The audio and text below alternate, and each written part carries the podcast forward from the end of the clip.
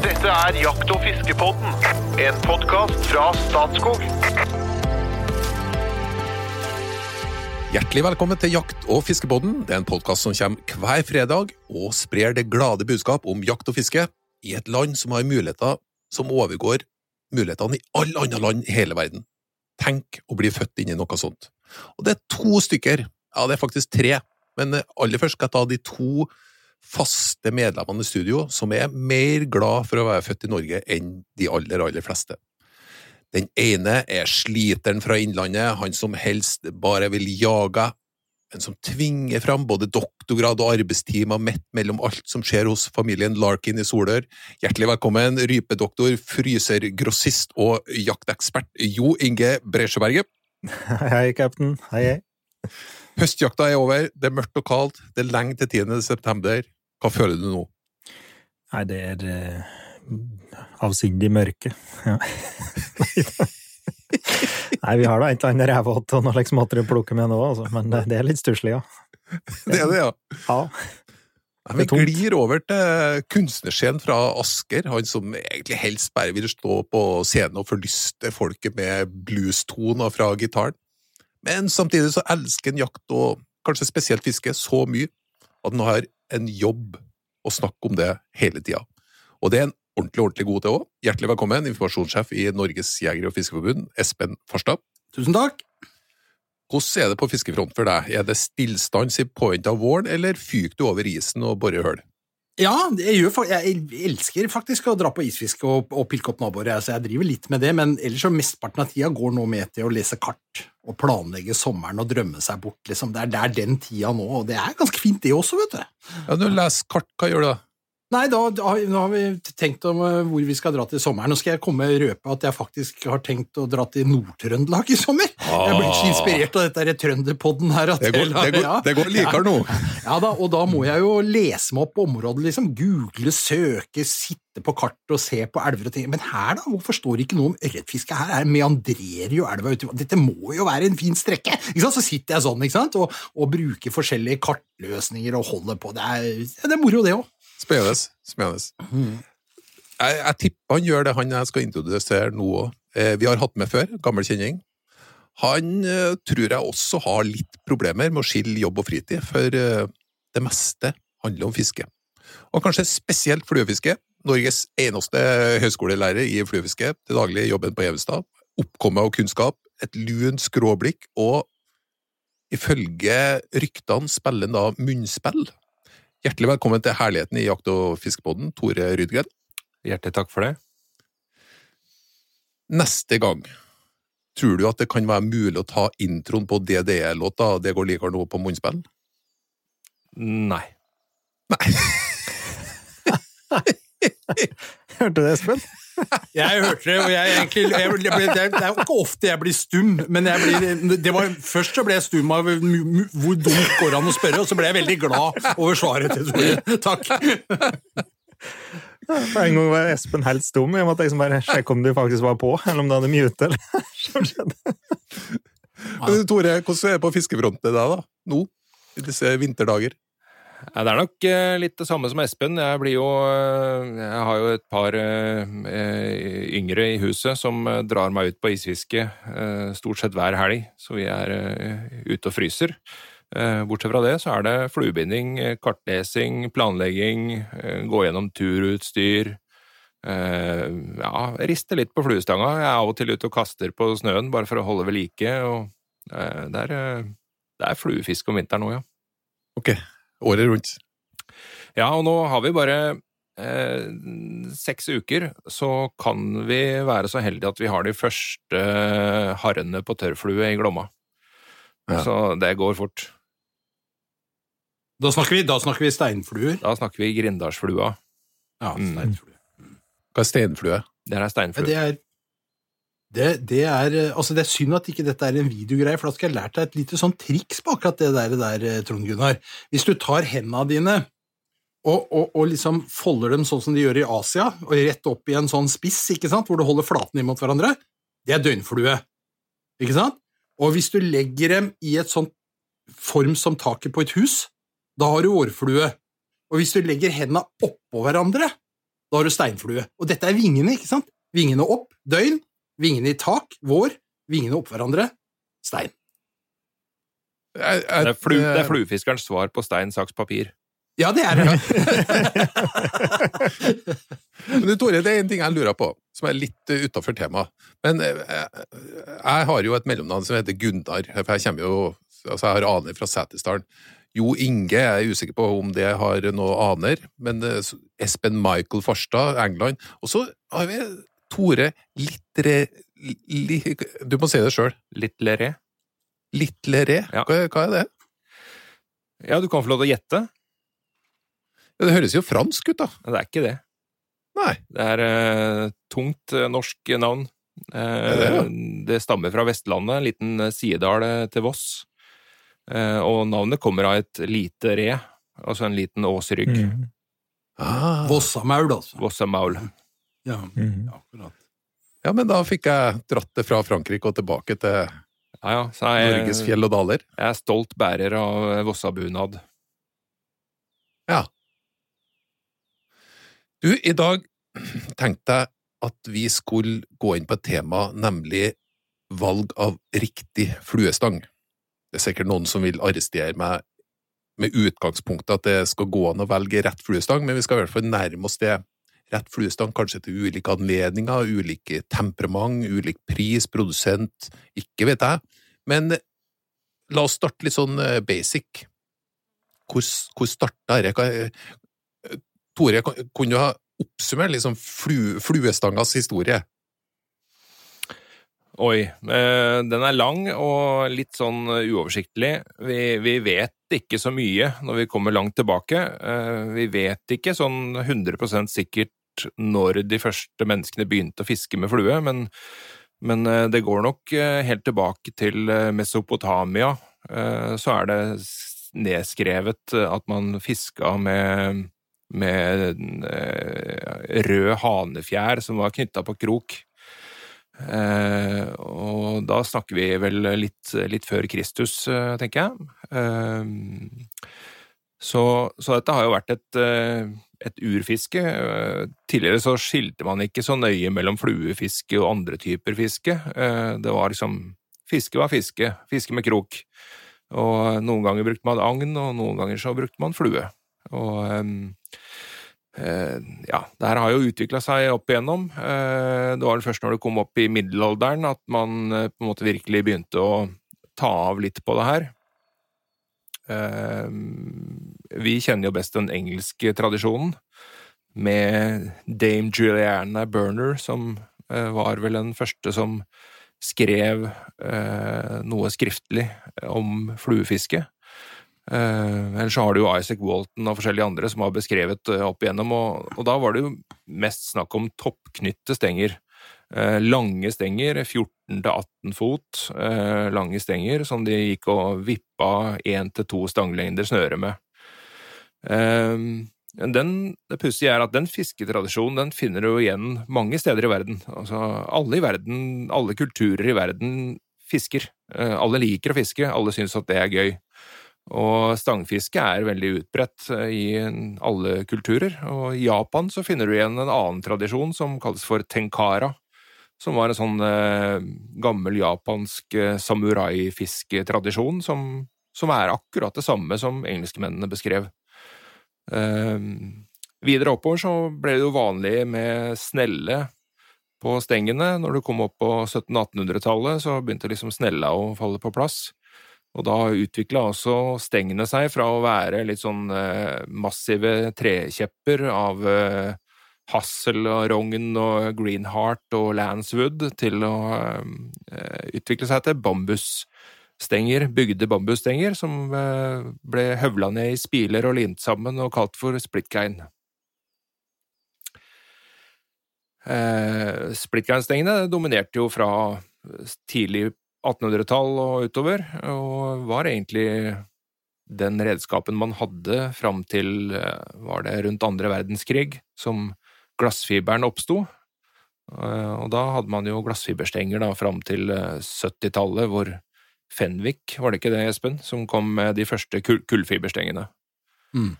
Og da er vi egentlig der vi er i dag. Det er kullfiberstenger det går i. Så, ah, du, du nevnte splitcane, jeg kjenner jo til splitcane, men det er på ski. Var det, eh, var det eh, opprinnelig bam, altså laga av eh, bambus, det òg, eller vet, vet du noe om det? Eller var det bare limtre? Eh, Splitcairn-skia det er jo fra min eh, gamle hjemkommune, der jeg er født og oppvokst, Modum. Eh, Jeg ja. ja. ja. Så jeg har hatt både splitcairn langrennsski og splitcairn hoppski. Så eh, nei, det, jeg tror ikke det var så mye bambus i de. Jeg tror det var mest at det var en limtrekonstruksjon. At det var derfor de kalte det. Mm. Men, eh, Men cane, cane betyr jo bambus, ikke sant? så split cane det er jo helt eksplisitt bambusfluestang lagd av oppsplitta og, og, og kone eh, Skal vi si, Hva heter det for noe når de spisser seg? taperte. Tapert, ja. Riktig. Mm. Mm. Riktig. Mm. Og det er også en tradisjon som lever videre i dag. Eh, mange som sverger til splitcairn-stenger, og som syns at det er veldig stas. Eh, mye flott håndverk, og her på Elverum, som jeg bor nå, så har vi jo en av Norges eh, eh, flinkeste splitcairn-byggere. Vidar Steimler. Han eh, selger stenger til både inn- og utland, og er eh, kjent i miljøet. Apro- Apropos det, eh, fluestenger og det, eh, får jeg ta en liten fun fact? Men eh, Jo Inge, jeg, Ja. jeg, jeg, da må jeg få lov til å introdusere deg. Ok, ja, ja, kjør på. Hjertelig velkommen til Jo Inges forunderlige fakta. Takk, takk. Eh, har du peiling på her den dyreste stanga som er å få tak i i dag? Vi var inne på splittcane-stenger nå, så vi er litt hinter litt her. Men har du, har du peiling på den dyreste fluestanga som er å få kjøpt i handelen i dag? Den Jeg kan svare nei. Er det noen andre som vil prøve seg? 240 000. Jeg tror ikke Tore? den dyreste, den dyreste stanga, det er ikke en fluestang. Det er jeg ganske sikker på. Nei, det er i hvert fall noe som ligner, da. Og, er, og Espen er fryktelig nærme. Det er det franske motehuset Hermes, eller Hermes, som vi ville sagt på Finnskogen. Eh, de laga et helt eh, sett med, flue, fluestang, og med en der håndvevd eh, kurv, da, liksom til å ha fisken i. Jeg husker den Isaac Walton og dere gamle Ah. engelskmennene. Like den flette bambuskurv. Og så får du med litt igel i tillegg. Og da er fluestanga er laga av Det står flaks, og det er ved lin. Flaksfiber. Lin og platanlen, som en slags splitcairn-stang. Og lær, og utsøkt, da. Den hadde en eh, nettopris på 31 210 dollar, Ah. som jeg har klart å få på rene. Det skulle tilsvare 265 000 ca. norske med dagens kurs. Det var nærme, da. Det var fryktelig nærme. Du har greie på det her, Espen? Nei, du vet Det som kommer over i tweed og er gammel, og jeg er så gammel at jeg har vokst gjennom dette. Jeg vet det. Du, jeg, unnskyld at jeg bryter inn nå. nå har jeg lyst til, kan jeg få lov til å dra en liten limerick nå? I dag har jeg nemlig et par. Eh, ja. Og det siden vi er på dette med split cane, for det er den ene handler om det. Så jeg har egentlig bare venta på det som et slags Q og et stikkord til å komme inn her. Limerick-kongen Espen Farstad. En nostalgisk fluefisker fra Langen var hekta på splitcane fra Vangen. Men kona sa stopp da det hopa seg opp med brøytestikker av bambus i gangen. Veldig bra.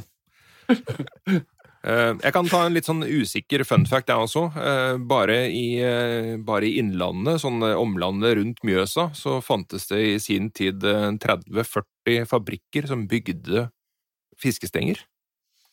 Det var eh, stor industri, eh, veldig utbredt, og i Norge så har det vært en eh, ganske lang og stolt tradisjon på det her med å bygge stenger. Vi har jo, som Espen var innom, vi har hatt Vangen, vi har hatt Hørgård, vi har hatt Tjøstheim, vi har hatt mange gode norske stangprodusenter. Har vi noen i dag? Det er Vidar Steimler, da.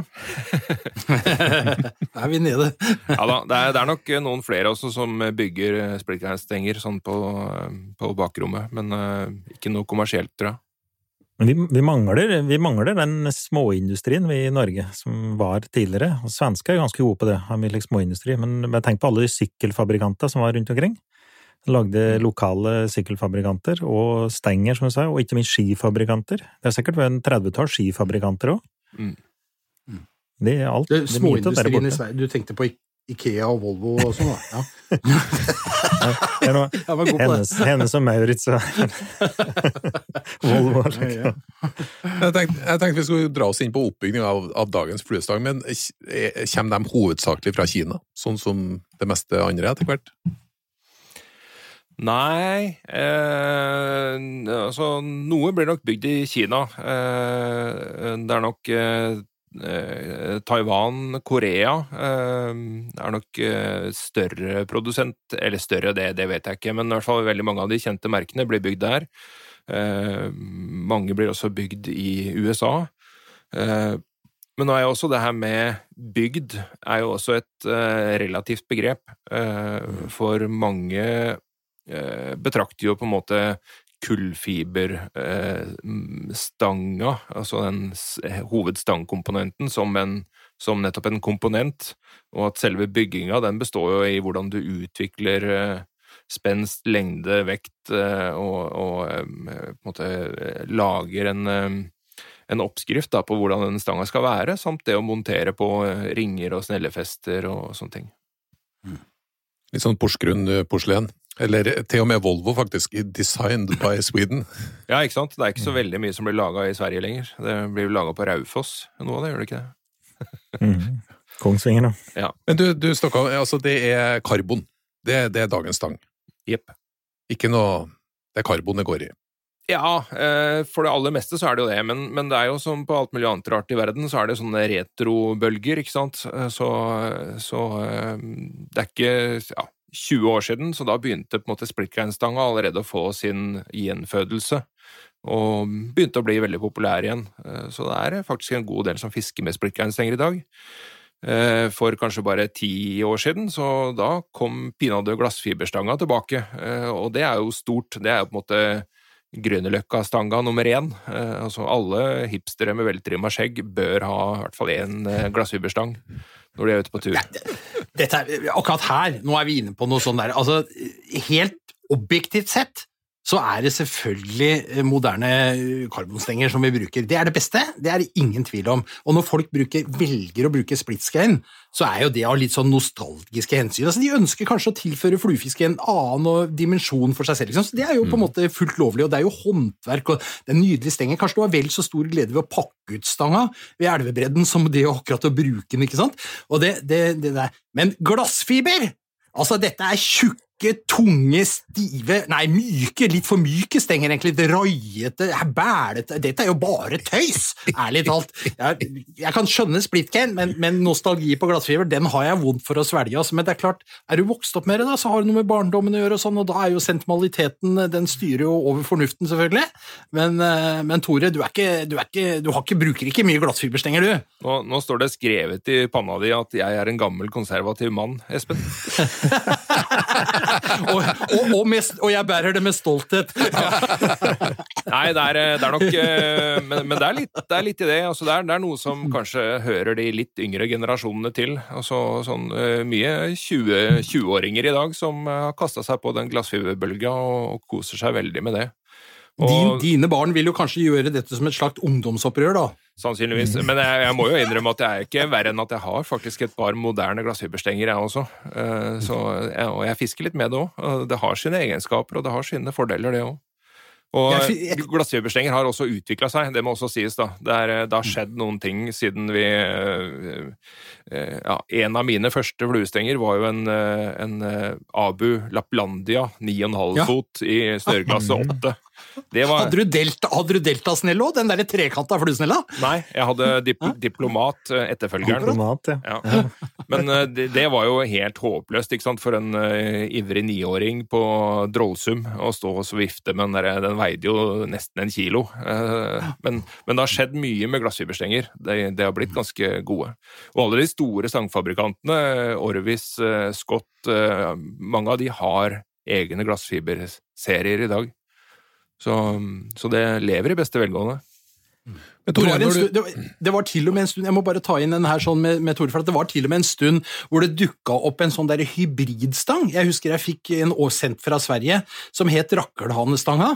Det var vel miljøet rundt Bostrøm, dette han som fant opp flua rakkelhane, det var en sånn moderne polypropylenflue. Lagde også en stang da hvor bunndelen var i åssen var det, husker jeg riktig nå, var det karbon nede og splitcane oppe? Motsatt. Eller var det omvendt? var det bambus eh, eller splitcane eh, rotdel, og så var det karbontupp. Ja, ja, selvfølgelig var det det, for du skulle jo holde i det nostalgiske, vakre, pene kunsthåndverket, ikke sant? men så skulle tuppen på stanga bli forbedra gjennom, gjennom, å bruke karbon der oppe. Det var ikke noe vellykka hybrid, syns jeg. Det, de, det, det, har sin fanklubb, det der også, faktisk ennå. Eh, du ser, ser de blir svingt til Renaelva hvert eneste år, og jeg har til og med fiska med en, så det, det, går an, men det er ikke, min, det er ikke mitt førstevalg, nei. Du, og det sier du ut nå, da, nå er du ikke gammel og konservativ? Nei da. Nei. Langt, nei, nei. langt ifra.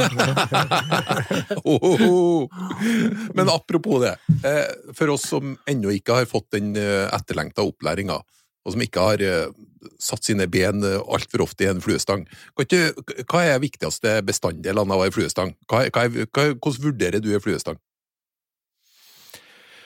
Nei, eh, bestanddelene det er jo en, eh, det er jo en eh, karbonklinge, som vi sier, da. Og så er det stangringer. Enbente, tobente. Det kan jo være litt sånn hipp som happ, og der har det vært litt sånn utvikling fram og tilbake. De fleste i dag velger tobente snake-ringer, som det heter. og så er det et korkhåndtak. der kan du skille litt sånn kvalitetsforskjell på stenger mm. med kvaliteten på korkhåndtaket. Og det går rett og slett på hvor lenge ei fluestang varer. Eh, selve klinga blir ikke slitt, men korken kan bli slitt, og ringene kan bli slitt. Så eh, ringer av god kvalitet og god kork. Se etter god kork når du er i butikken og skal plukke deg ut ei stang. Mm. Mm. Ellers er det snellefeste som eh, da skal holde på plass fluesnella. Så, og der også er det mer sånn, mest sånn utseendemessige forskjeller. De fleste snellefester klarer jo å holde på plass en fluesnelle, men det er noen som er vakrere enn andre, og edeltreinnlegg og eh, ja, eh, utrydningstrua dyrearter der også, med elfenben og spetakkel.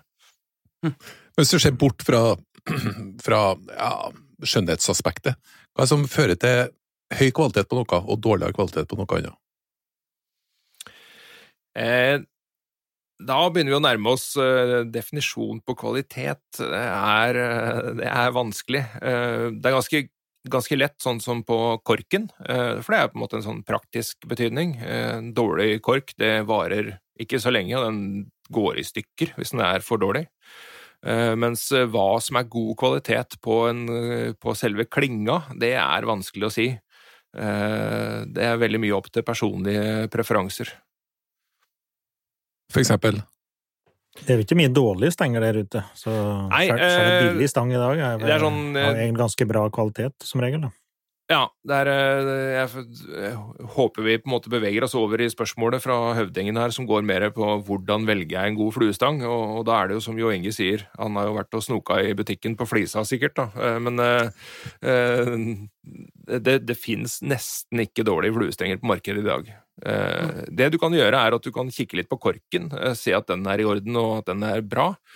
Eh, eller så skiller det seg på hvor dyre komponenter er brukt i stangringer, for eksempel, men du skal fiske ganske mye for å klare å slite ut stangringer.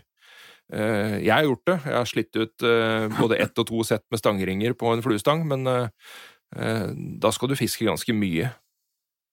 Jeg synes, Vi må stoppe litt der, Tore, for det du, dette er superinteressant. For det du sier, er at utstyrsutviklinga har blitt så god, eller så standardisert, eller globalisering, hva som har medført dette, men faktum er at det fins nesten ikke dårlig utstyr der ute lenger.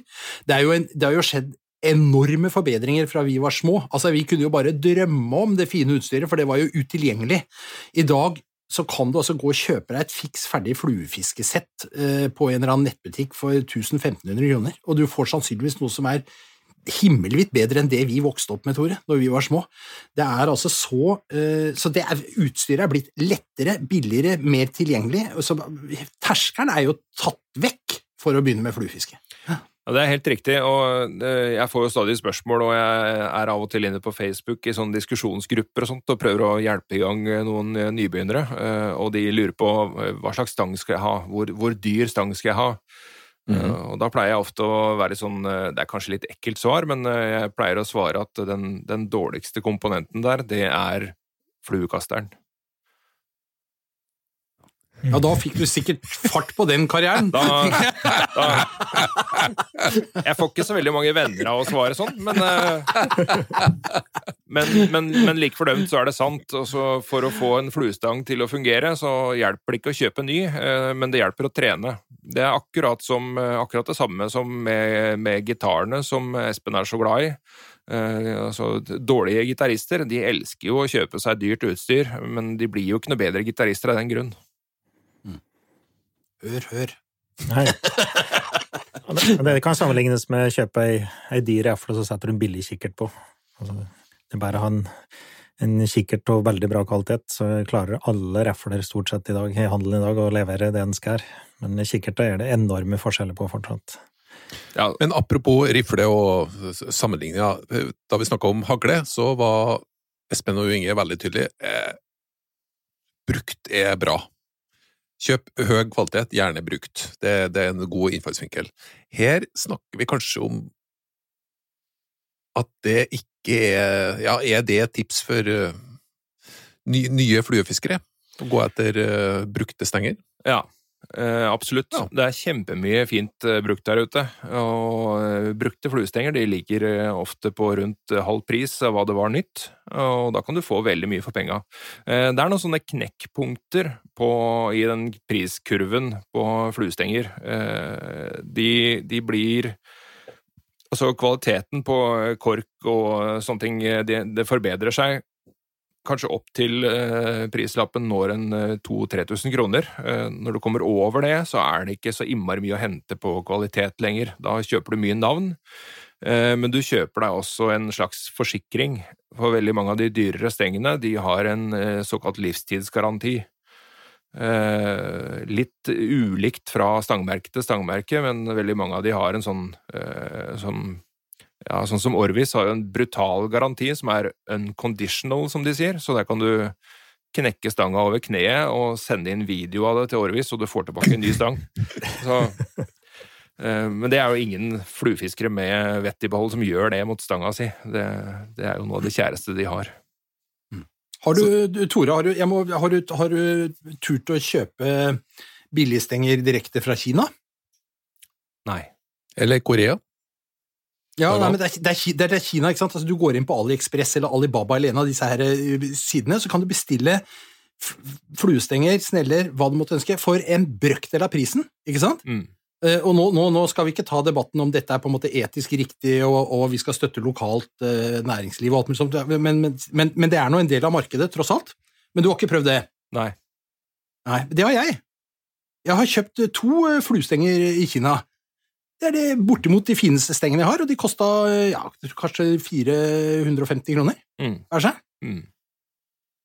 For det det er, som du sa innledningsvis, altså, det er få fabrikker i verden som lager disse blanksene som, som utgjør disse fluestengene. Så, og så sitter jo flinke håndverkere i Kina og snekrer sammen disse stengene, Mm. som er, som er eh, like gode, altså. Men da med litt rare navn. Ja. Ehm, du sa at vi ikke skulle ta den diskusjonen, men jeg gjør det allikevel. Lite grann. Ehm, eh, men det er, det, er, det er litt juks å, det er litt juks å hoppe på det der. For det at det er flinke håndverkere, det er ikke helt sant. Fordi eh, teknologien eh, og aksjonen i de stengene som blir produsert i Kina, det er gjerne ting som kan være utvikla av en norsk fluefisker fra Orkdalen. Eh, som har eh, lagt sjela si i å utvikle en god tapering, en god fluestang, eh, som blir produsert på en fabrikk i, i eh, Korea. Eh, og når eh, koreanerne er ferdig med å lage den stanga, så selger de bare utstyret videre til Kina, og så blir det masseprodusert. Så, så det, det kan være eh, copyright eh, Bjørnar Skjevdal, for den saks skyld. eh, Jo, jo, jeg er helt enig i det, og det gjelder sannsynligvis den skjorta du går med òg. Sannsynligvis. Men du, før, før vi jeg, jeg, jeg hører jo kampen går, men mm. eh, er, Vi snakker jo om sånn velg riktig fluestang. Altså eh, gjør, gjør et riktig valg. Men er, er det et rett spørsmål? Trenger man flere fluestenger? Unnskyld! Ja, det finnes vel, det finnes vel neppe en som er rett til alt. Altså, Jo Inge er jo landskjent holdt jeg på å si, i denne podden for å ha seks frysere. Tore, hvor mange fluestenger har du? Det, det tør jeg ikke å svare på. Da tror jeg både Futen og Fogden kommer løpende. Eh, jeg, kan, jeg kan gå så langt som å si at i min vennekrets så er eh, på en måte mm, kjelleretasjen i huset mitt er kjent som Karbonkjelleren. Eh, Du har seks, fangst. du har seks forskjellige. Det er nok litt mer enn seks forskjellige. Eh, men nei da, for å, for å tøyse oss tilbake igjen til start her, så, så Ja, man kommer veldig langt med én stang. Eh, Den vanlige norske innlandsfluefiskeren kommer veldig langt med en, en eh, fluestang som er ni fot, og som er i snøreklasse fem. Eh, Men nå er vi inne på litt sånn begreper her da, med lengde og med snøreklasse eller lineklasse. Eh, Så jeg kan kanskje forklare litt rundt det først. Gjerne. Eh, valg av lengde på stang, det er som den norske eller europeiske standarden på vanlig innlandsfiske er jo ni fot. Eh, kommer du til USA, så er det litt, tenker de litt annerledes. De liker kanskje åtte og en halv fotere bedre. Eh, forskjellen på det er eh, ni fot kaster kanskje litt lengre, mens åtte og en halv fot er eh, mer presis på korte kast. Eh, og så er det dette med snøreklasse, da. Det er en sånn gammel standard som går på hvor mye line, eh, hvor tung line som skal til for at stanga skal spennes opp og kaste bra. Så det er vekta på de første 9,14 meterne av fluelina som, eh, som avgjør hvilken snøreklasse de havner i. Så ved at det står snøreklasse 5 på stanga, så vet du at du kan gå i butikken og så kan du kjøpe et fluesnøre i snøreklasse 5, og da vet du at det passer. For da har både lineprodusenten og stangfabrikanten har forholdt seg til den standarden, da. Ehm, men så er det jo Så- Ja, ja. så hvis noen tenker å starte med noe, så er dette klassikeren du bør starte med. Den, den som er størst bruksom, bruksområde. Ja, kjøp en nifot femmer. Da, da kommer du veldig langt. Da kan du fiske alt fra fjellet, elver, du kan til og med lett sjøørretfiske i sjøen. Eh, Du har masse muligheter med en nifot femmer. Og du behøver ikke å gjøre det vanskeligere enn det. Eh, Det jeg pleier å si, da, nå beveger vi oss litt ut av stangterritoriet her, men eh, hvis du har på en måte et budsjett, som de fleste av oss har, så så eh, heller enn å kjøpe flere stenger, så kjøp én stang og flere flueliner. Det gir deg mye mer allsidighet og mye mer muligheter til å variere fisket ditt. Men du Det har, kom, du det har jo forandret seg, forandret seg litt, det òg. Fra vi pratet om dere gamle glassfiberstengen. Jeg husker når jeg startet opp med det her, da var det ni fot og snøreklasse seks til sju ofte det gikk i. Mm. Stemmer ikke det? Jo, Det, det har forandret seg litt, det òg. Uh, ja, det, det har nok eh, blitt bedre og lettere stenger, og de lette stengene har blitt uh, bedre til å kjøre større fisk og sånne ting. Da. Så det er jo som du sier, at eh, når, når, vi var, når jeg og bestemor var smågutter, da, da, da var det litt tyngre stenger. Da var det klasse seks og sju og åtte, kanskje, som ble brukt til vanlig innlandsfiske. Nå er det snøreklasser vi forbinder med lett laksefiske og, og tungt havfiske, på en måte. Eh, Men det er jo som du mistenker, da, at man klarer seg jo aldri. Du, du, du, kommer jo ikke dit enn at du lever et helt lykkelig liv eh, som fluefisker med én fluestang. Eh, før eller siden så banker stang nummer to og tre og fire på døra, eh, og da er det bare å si velkommen inn. Eh, Ja, og dessuten så skal du jo aldri dra på fisketur med bare én stang. Det er livsfarlig. Du kan ikke ligge på vidda, og så knekker den stanga, og så er du stuck, liksom. Du må jo alltid ha en i reserve, og så litt sånn. Og, og jeg helt, jeg må bare si at jeg er veldig glad for å høre det Tore sier om, om klasse 5 her. For jeg var redd at du skulle si at du skulle anbefale en stang i klasse 6 eller 7, liksom, som, vært, som Jo Inge er inne på var litt tidligere.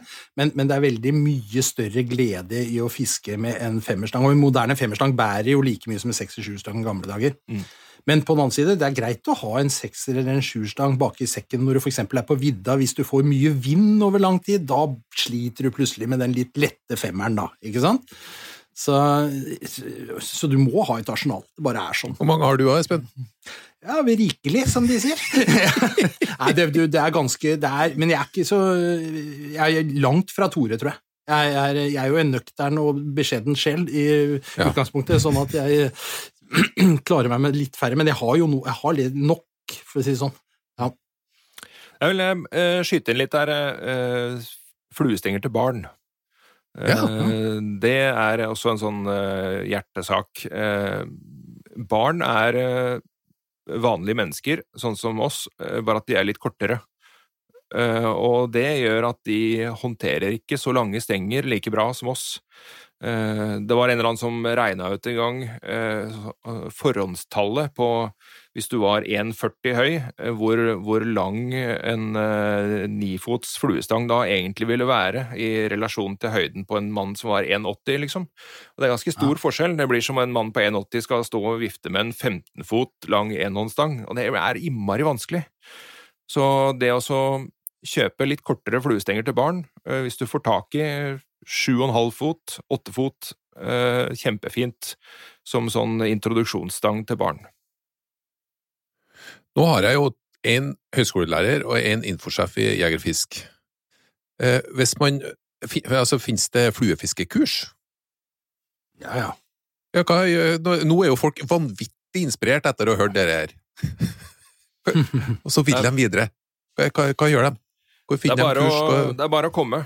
Eh, Bare komme til Norges Jeger- og Fiskerforbund, for eksempel. Vi eh, driver nå og eh, pusser opp instruktørutdanninga vår, så vi, vi utdanner jo et instruktørkorps på fluefiske, som er redo til å ta imot de som måtte melde seg. Så, så det er fullt mulig. Ellers så finnes det jo ja, Jakt- og fiskesenteret på Flå, for eksempel. Der blir det årlig kjørt kurs i fluefiske. Eh, hvis jeg skal gi et tips til de som er ute og ønsker å lære seg det her, og komme inn i uh, fluefiskets vidunderlige verden, så prøv å søke deg mot et fluefiskekurs, ikke et kastekurs. Mm. Eh, kastinga er bare en komponent i det. Eh, du lærer ikke å fiske av å gå på et kastekurs. Så for jeg kjenner veldig veldig mange som har på en måte bråstoppa, de har lært seg litt å kaste, men så har de aldri helt kommet over kneika på hvordan de faktisk skal fiske dette her. Så, um, så det er viktig. Ja, jeg er enig. Også når du skal ut og fiske og prøve, for du må jo øve, øve, øve, ikke sant? Du må ut og, og oppleve gleden med dette og prøve det. Så finn deg nå en liten elvestubb eller et tjern eller noe sånt hvor det er mye små fisk. For at det er ikke, du, du kan ikke liksom ut og jage de svære. Gjerne prøve på harr, som er en bitevillig art, hvis du slipper til på det. ikke sant? Ja, for at da, da får du prøvd deg litt på drifting av fluer og tilslag, og hvordan man vaker, og hvor du skal legge flua. Du, du, du, må jo du må ha noe å trene på, ikke sant? Så finn deg et sted hvor det er mye liten, mye småfisk. Det er bra. Kom til Østerdalen. Ja. Når det gjelder unger, da, er det, er det noe tidspunkt som, eh, som er en god introduksjonsalder? Altså, har, du behov for noe motorikk? eh, Eller kan du, kan du gå helt like tidlig som Marco Dupp, nesten? Jeg, jeg mener jo at det er mange myter ute og går der også, sånn apropos uh, tidligere podkaster. Uh, det er mange myter om at uh, barn skal ha eh, fiskestang med lukka haspelsnelle og sånne ting.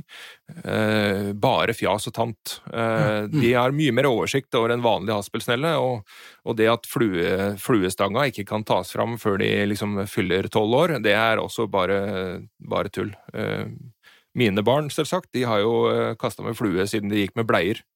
Eh, og det har de gjort ganske bra. Eh, det, er, det virker jo I fluefiskemiljøet så virker det jo oppsiktsvekkende og litt sånn pussig at en treåring klarer å fange en fisk på tørrflue, men det er faktisk fullt mulig.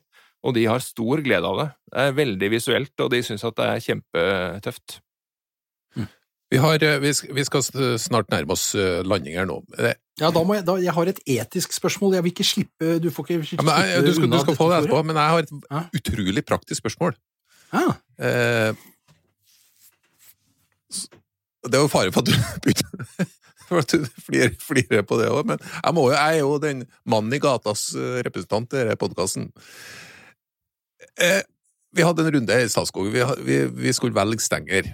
Eh, eh, den ene er todelt, den andre var teleskopvarianten. Jeg er jo praktisk orientert, sånn at jeg syns jo det hadde vært utrolig snedig med en sånn teleskopvariant. Den eh, falt på grunn av kvalitetsmessige årsaker. Har ikke sjans til å, til å stå i en kvalitetsmåling opp mot den todelte stanga. Og så ser jeg bare fluestengeren, og de er jo femdelt og seksdelt og hva det nå enn skulle være. Og så er jeg jo helt sånn Ja, hvordan henger dette sammen? Nei, er, Jeg beklager, har- Espen, men eh, jeg må, jeg må stille som jeg Man har funnet seg noen uh, praktiske transportlengder her. Uh, det handler nok mye om at uh, fluefiskere etter hvert har begynt å eh, fly en del og reise rundt og, og fiske på andre steder på kloden. Så at det å ha en stang som passer ned i en koffert, det er veldig greit. Eh, men det er jo firedelte stenger som på en måte er standard på enhånds eh, fluestenger. Eh, men du skal ikke mer enn 20 år tilbake før todelt var standard. Og det, det, det handler om at de har blitt flinkere til å bygge disse sammenføyningene på en sånn måte at det ikke går utover aksjonen på stengene. Å ja.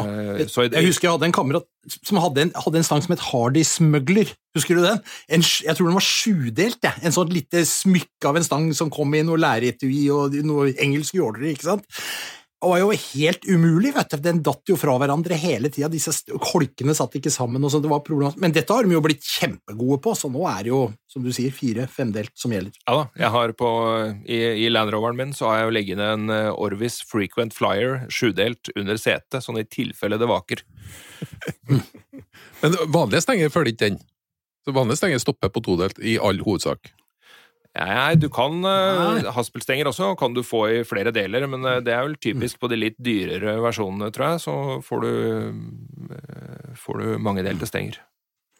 Det, det er vel enklere laga laga ei bra stang av todelen, kanskje. Altså, han er jo blir potensielt stivere i når du skal ha flere skjøter, da. Ja, jeg, eller, han, eller aksjonen blir litt alles, i hvert fall. og litt dyrere å produsere, tenker jeg. Og i tillegg dyrere. Det er flere komponenter, ikke sant.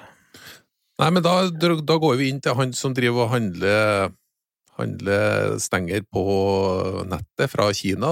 Vi har et etisk spørsmål fra Espen Michael eh, Ja, først, da. det, det, det var en god overgang, synes jeg, for man kan også stille det etiske spørsmålet ved å handle fra Kina. Ja, ja, bra.